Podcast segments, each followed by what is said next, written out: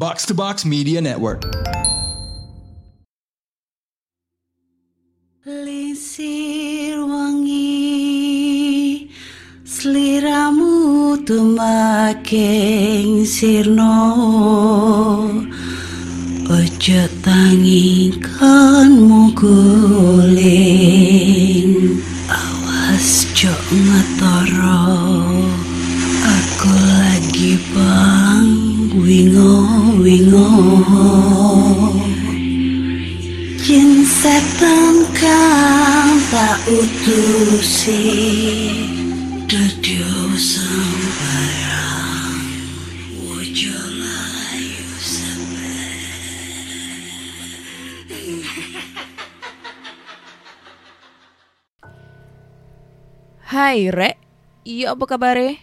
Ketemu lagi dengan aku si Ana di podcast kisah horor dan kita bertemu di episode 280 dan di episode kali ini akan membacakan cerita horor ataupun email berhantu yang sudah dikirimkan teman-teman melalui podcast kisah horor at gmail.com ataupun di Instagram podcast kisah horor serta Google Form yang yang tersedia di bio Instagram podcast kisah horor. Jadi sebelum aku ngebacain cerita horor nih, eh, aku mau ngasih tahu ke kalian bahwa kemarin aku ada kolaborasi dengan lonceng misteri di channel YouTube-nya. Uh, aku di situ jadi narasumber menceritakan tentang pengalaman horor pada saat di tempat kerja dulu. Uh, kalian kalau misalnya uh, penasaran gitu ya, kalian bisa langsung aja nih ya mampir ke channel YouTube-nya lonceng misteri, tonton itu video gua ya di like di like sebanyak-banyaknya.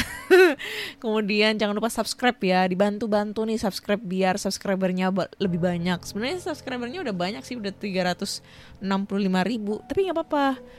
Uh, siapa tahu kalian butuh asupan horor lagi gitu ya, kalian bisa langsung aja mampir ke channel YouTube-nya Lonceng Misteri gitu.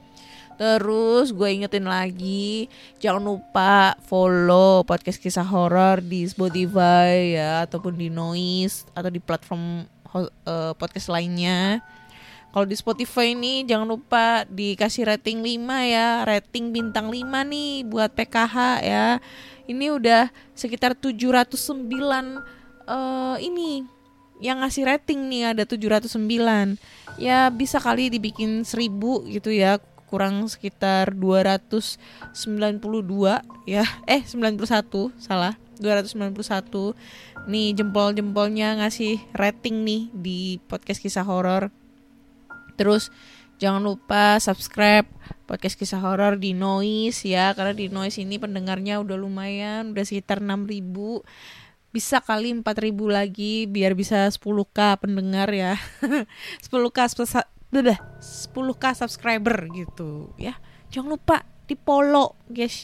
Di follow di Spotify dikasih bintang 5 terus jangan lupa yang ngedengerin di noise juga di subscribe gitu. Biar kalian itu update cerita terbaru gitu. Biar update terus gitu ya.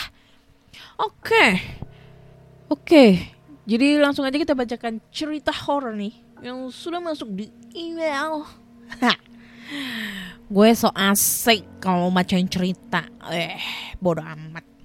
Emang gue asik gue mantap kan? Jadi cerita ini berjudul mayat. Oke. Ini nggak ada namanya. Jadi langsung aja.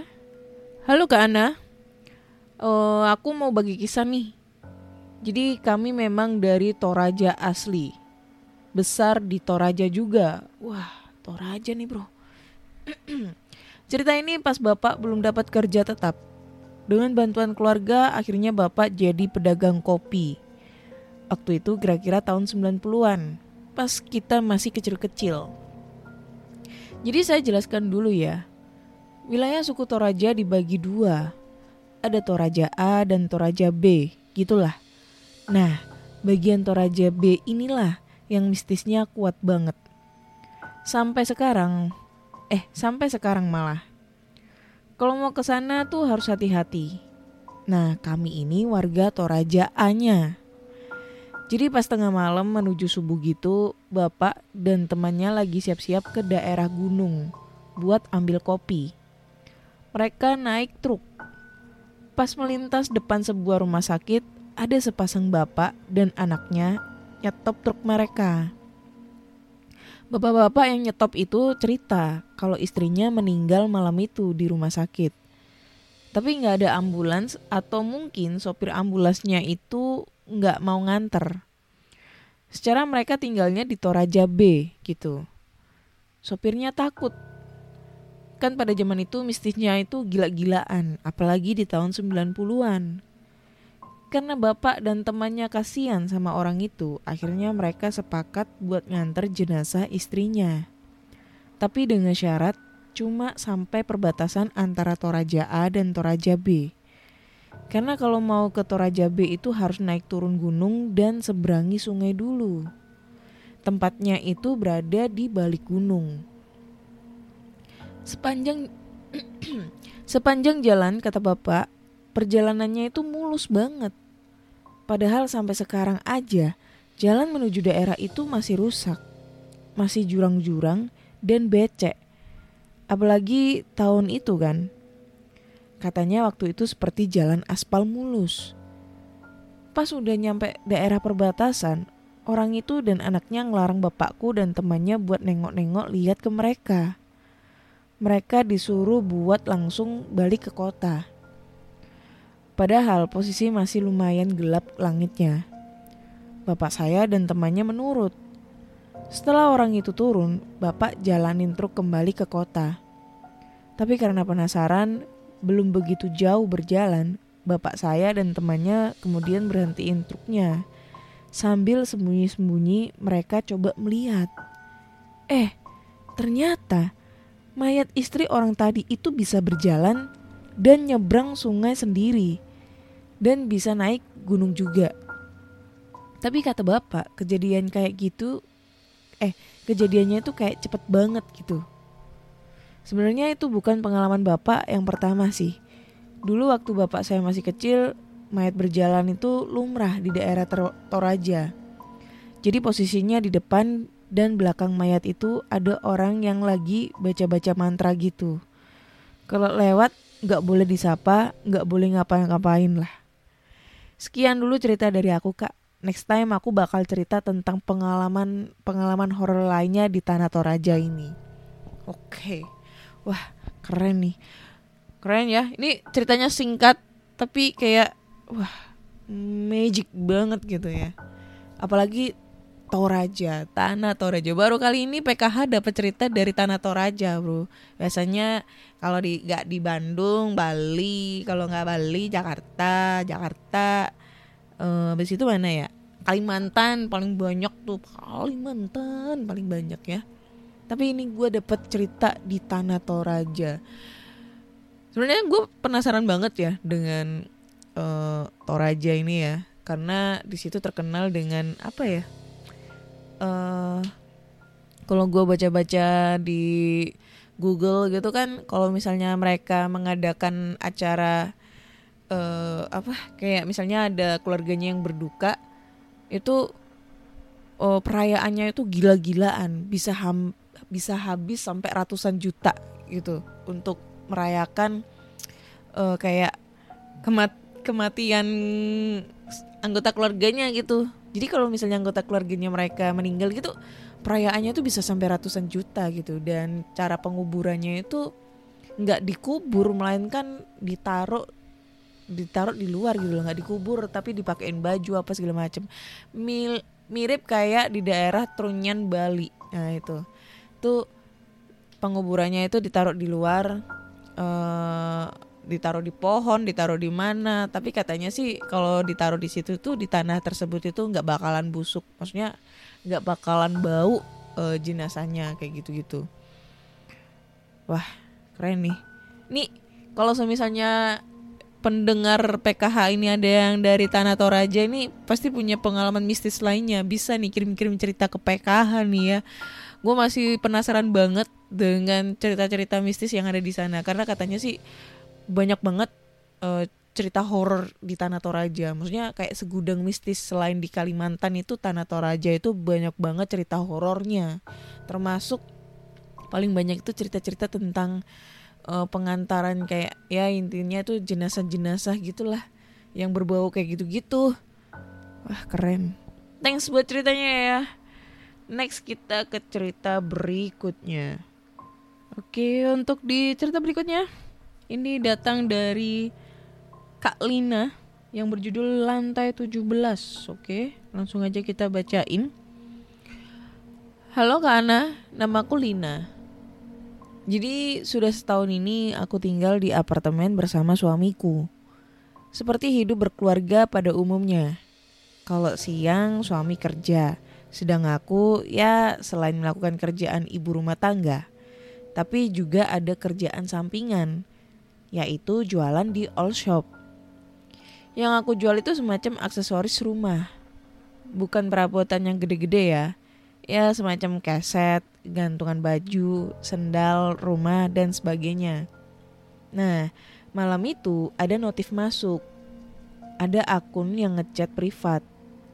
Akun ini bernama Hening, tapi nggak ada fotonya. Ses, sandalnya bisa dikirim langsung nggak?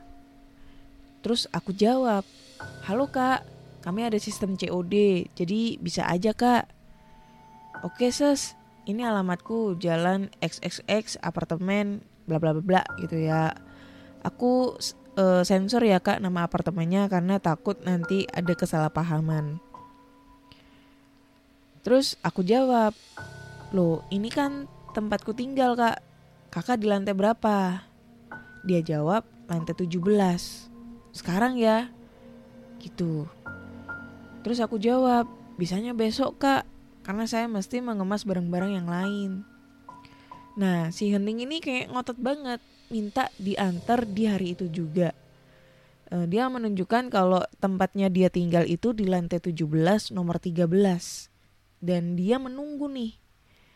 Ya udah, mau nggak mau, akhirnya aku terima dan akhirnya aku mau nganter uh, orderannya dia gitu. Ya, aku pikir itu karena waktu itu belum malam juga, belum begitu malam, ya masih sekitar pukul jam 7 dan nggak jauh juga kan orang satu gedung gitu. Terus stok sendal juga masih ada semua. Cuman aku bingung, ini Kak Hening mau pesan sandal yang kayak apa gitu. Aku coba chat beberapa kali tapi nggak ada jawaban. Akhirnya aku bawa semua itu sandal-sandalnya biar dia milih sendiri. Maksud aku kayak gitu. Karena kan lokasinya juga satu gedung, cuma beda lantai aja. Jadi lebih gampangnya aku ngebawa barang-barangnya. Nah, suami aku tuh belum pulang. Aku keluar kamar sambil bawa tas gede isi sendal. Aku melintasi lorong apartemen menuju lift. Seperti biasa, meski tidak malam banget, bahkan jika siang pun, di sini tuh selalu kayak sepi. Padahal penghuninya itu lumayan banyak. Cuman males keluar kali ya. Singkat cerita aku sampai di lantai 17. Aku mencari kamar nomor 13. Tapi aneh, semua pintu kamar di sini nggak ada nomornya. Aku mulai menghitung pintu per pintu. Aku bandingin dengan lantai 4 tempatku tinggal. Mungkin saja urutannya sama. Entah kenapa, aku selalu kayak lupa sudah menghitung keberapa. Tiba-tiba nampak perempuan jalan di lorong membelakangiku. Jaraknya sih nggak jauh. Terus aku panggil dia. Mbak, mbak, mau tanya, kamar nomor 13 di mana ya? Perempuan itu berhenti menoleh ke arahku. Tangan kanannya menunjuk ke lorong di, di depannya sedang tangan kirinya melambai-lambai ke, ke aku. Ia kayak nunjukin arah dan nyuruh ngikutin dia. Perempuan itu jalan lagi. Aku buru-buru ngikutin dia.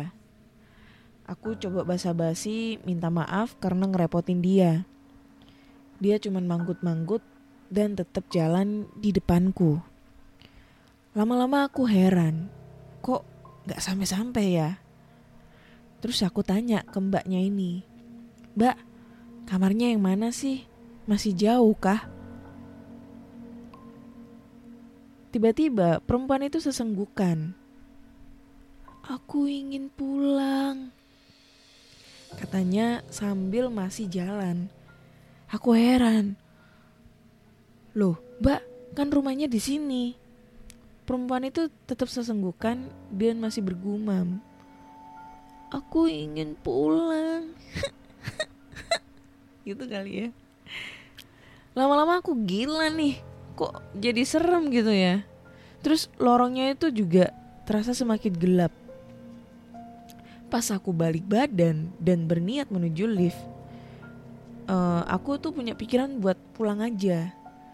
Di saat aku lari-lari kecil menuju lift, suara tangis dan gumaman pria, eh pria, perempuan itu masih kedengar. Seperti menggema. Aku semakin mempercepat langkah yang lambat karena bawang eh, karena bawa bawa eh karena barang bawaanku. Aku makin panik pas ngerasa eh, tempat liftnya ini nggak sampai-sampai. Aku bingung. Aku kayak muter-muter aja di lorong ini. Aku mulai nangis. Aku juga mulai cari tangga darurat, tapi tetap gak ketemu-ketemu. Pada suatu belokan, aku kaget karena ada perempuan itu lagi. Tapi sekarang ia memegang payung dan masih membelakangiku dan bilang ingin pulang. Aku sadar aku saat ini sedang diganggu. Karena sebenarnya aku tuh udah sejak lama ngalamin hal-hal kayak gini. Aku pun langsung tanya ke dia, mau pulang ke mana? Perempuan itu menoleh ke arahku. Ya Allah kak, bisa bayangin gak? Wajahnya itu hancur. Terus aku bilang gini ke perempuan itu dengan eh, suara agak gemeter. Kamu pulang sendiri ya, jangan ikuti aku lagi. Aku mau pulang. Setelah aku ngomong ke itu, perempuan itu menjauh dan samar-samar menghilang. Aku balik badan. Aku pikir lift ada di belakangku. Tapi tiba-tiba aku dibentak oleh seorang pria tinggi besar. Kan sudah aku bilang, ibu jangan pernah naik ke lantai 17. Rupanya doi Pak Security yang sudah aku kenal sejak masuk sini. Pak, pak, maaf pak. Aku bener-bener lupa. Itu bapak pesan ke saya kan udah lama banget ya. Udah, ayo ikuti saya bu. Kita turun. Sesampainya di bawah, kami menuju pos satpam. Nampak suamiku di sana. Rupanya ia sudah pulang. Ia segera nyamperin aku dan tanya ini itu dan sebagainya. Aku kaget karena dikasih tahu suami, aku di lantai 7 itu kayak mondar mandir. Terus eh lantai 7 apa 17? Terus Pak Satpam yang nyari yang nyari aku beberapa kali papasan sama aku. Tapi kami kayak gak saling ngeliat. Suami itu eh suami tahu itu karena ia dan satpam satu satpam satunya memantau dari CCTV. Suamiku juga coba ngebel HP-ku, tapi katanya nggak aku angkat-angkat. Lah aku juga nggak dengar suara telepon. Dan kalian tahu nggak, meski kayak satu jam di lantai 17, ternyata pas turun itu sudah jam 12-an malam. Sebenarnya aku tuh nggak mau lagi ngalami kayak gini-gini. Tapi mungkin udah bawaan orok kali ya kak. Aku juga nggak tahu ada apa di lantai 17. Security hanya pesan jangan ke situ, tapi nggak pernah cerita ada apaan. Itu saja ceritaku kali ini kak. Terima kasih sudah dibaca dan maaf kalau seremnya dikit. Hehehe. Oke, thank you kak. Siapa namanya? Kak Lina. Iya, Lina Mukerji. Oh ya, Kak Lina buat ceritanya. Lumayan serem ya. Apartemen coy. Lantai 17. Itu mm, lantai 17 langsung gua nggak bisa ngebayangin tuh apartemen ada berapa lantai ya. Mungkin sampai 20 lantai kali ya. Nah, ini dia juga nggak nyebutin apartemen mana. Secara dia masih tinggal di situ, coy. Takutnya nanti kalau gua sebutin apartemen ini gitu. Lokasi di sini. Nanti banyak banget nih yang penasaran pinisilin terus eh, datang ke apartemen tersebut tiba-tiba langsung naik ke lantai 17 ngilang dah gua nggak tanggung jawab juga ya tapi gua masih penasaran ada apa di lantai 7 pel- 17. Apakah dulu pernah ada kejadian mengerikan gitu ya? Sampai akhirnya kemungkinan nih kalau uh, gue ngebaca ceritanya Kalina itu katanya di lantai 17 itu uh, tempatnya itu sepi lampunya remang-remang dan nggak ada nomor pintunya padahal umumnya di setiap lantai itu pasti ada nomor rumah ibaratnya nomor ya ada di pintunya itu ada nomornya. Anggap aja sebagai kayak rumah gitu ya nomor rumah gitu. Tapi di katanya di lantai 17 itu nggak ada. Berarti itu memang sengaja untuk dikosongkan semua unitnya. Tapi kita nggak tahu ya alasannya kenapa. Karena di cerita tersebut uh, si security juga nggak cerita ke Kalina ke Kak Lina untuk alasannya kenapa dikosongkan terus ada cerita apa di balik lantai 17 karena setauku biasanya kalau masalah lantai perlantaian itu yang horor itu di lantai 13 atau katanya kalau di lift itu bahkan di lift itu tidak dipasang lantai 4 ya. Eh lantai 4 atau lantai mana gitu? Kalau di Jepang itu katanya lantai 4 itu nggak ada nah katanya sih bisa terbawa ke dimensi lain atau apa. Itu menurut uh, urban legendnya di sana ya. Nggak tahu kalau di Surab di Indo mah lantai 4 lantai 4 mah ada-ada aja gitu kan. Cuma setahu kalau lantai 13 itu katanya horror bro. Lantai 13 sama lantai berapa gitu? Lantai 7 atau lantai berapa itu pokoknya horror. Tapi ini katanya Kalina malah lantai 17 nih. Wah gue tuh agak kayak gimana ya? Uh, lebih kayak serem banget gitu loh kalau misalnya gue datang ke lokasi gedung yang lokasinya itu harus di lantai 10 ke atas. Itu menurut gue paling serem karena bayangan gue tuh yang aneh-aneh. Takut gue ya ngebayangin kalau orang jatuh dari ketinggian tiga lantai itu kayak gimana ya? Lantai tiga tuh kayak gimana apalagi ini lantai 17 bro. Orang kalau misalnya terjun gitu aduh udah nggak berbentuk nih badannya. Kalau misalnya ada orang yang bunuh diri gitu ya itu kayak gue tuh kayak serem banget gitu kalau sampai lantai 10 ke atas itu udah pikirannya itu udah kacau gitu. Gitu guys. Hmm, lumayan serem sih.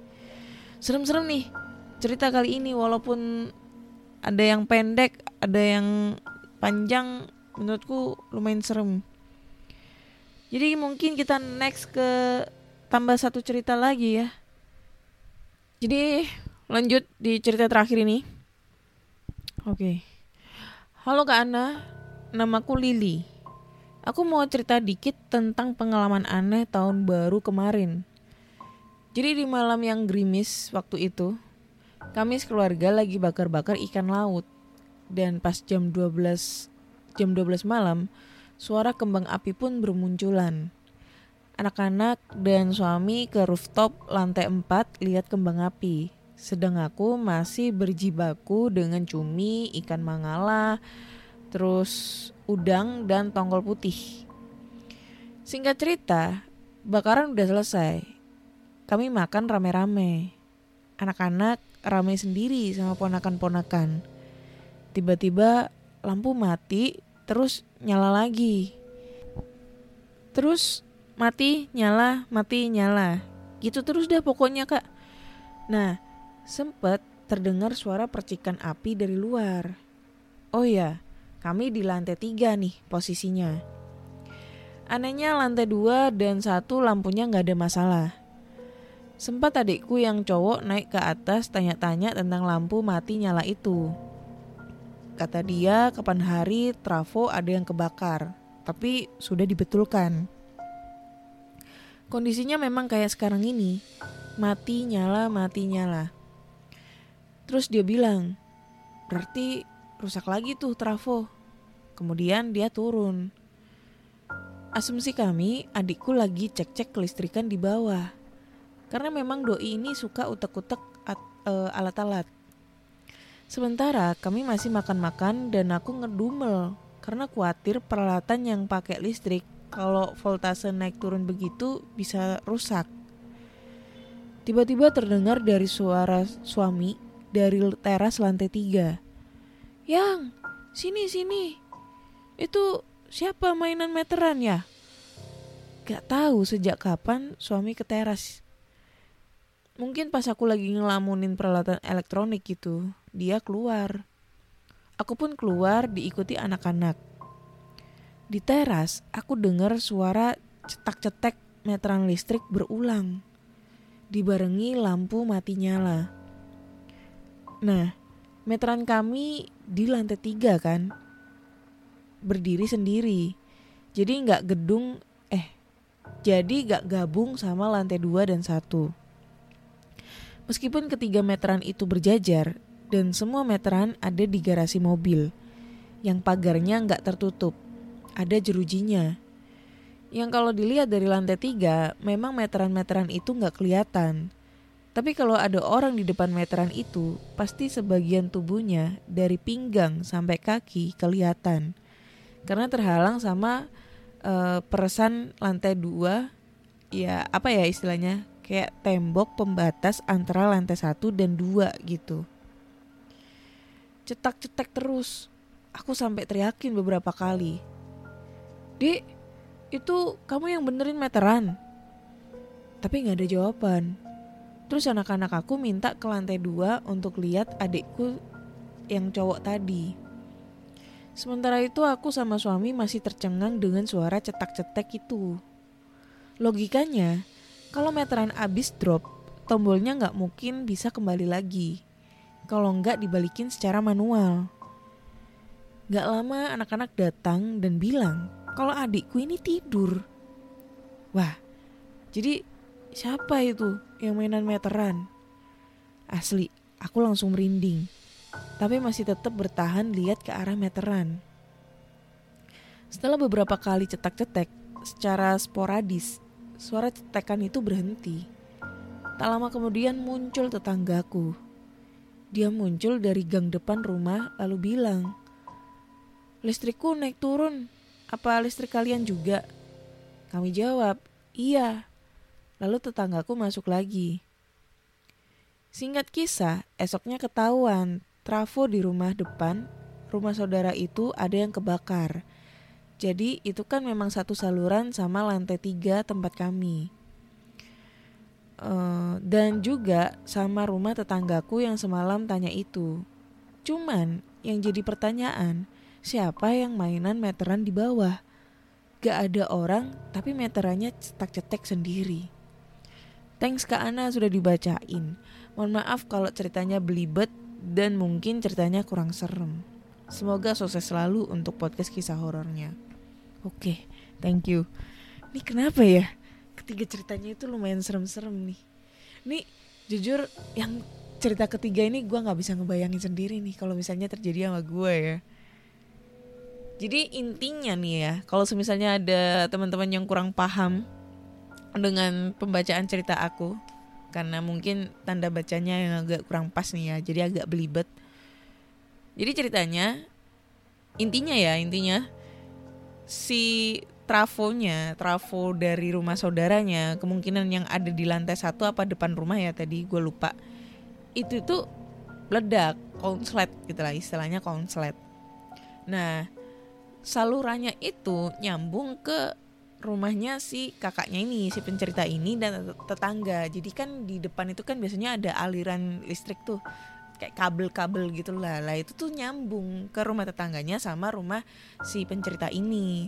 Otomatis kalau konslet biasanya mati, mati nyala, mati nyala, mati nyala gitu loh. Kayak mungkin lebih kayak mati nyalanya keredup kali ya ngeredup terus nyala lagi redup nyala lagi eh enggak deng mati nyala ya kalau misalnya kabel ya kalau redup nyala itu mungkin lampunya yang konslet gitu bohlamnya nah ini lebih kayak mati nyala mati nyala. Jadi otomatis itu memang gangguan di uh, konslet di trafonya yang nyambung ke rumah tetangga dan rumah si pencerita gitu ya. Intinya kayak gitu.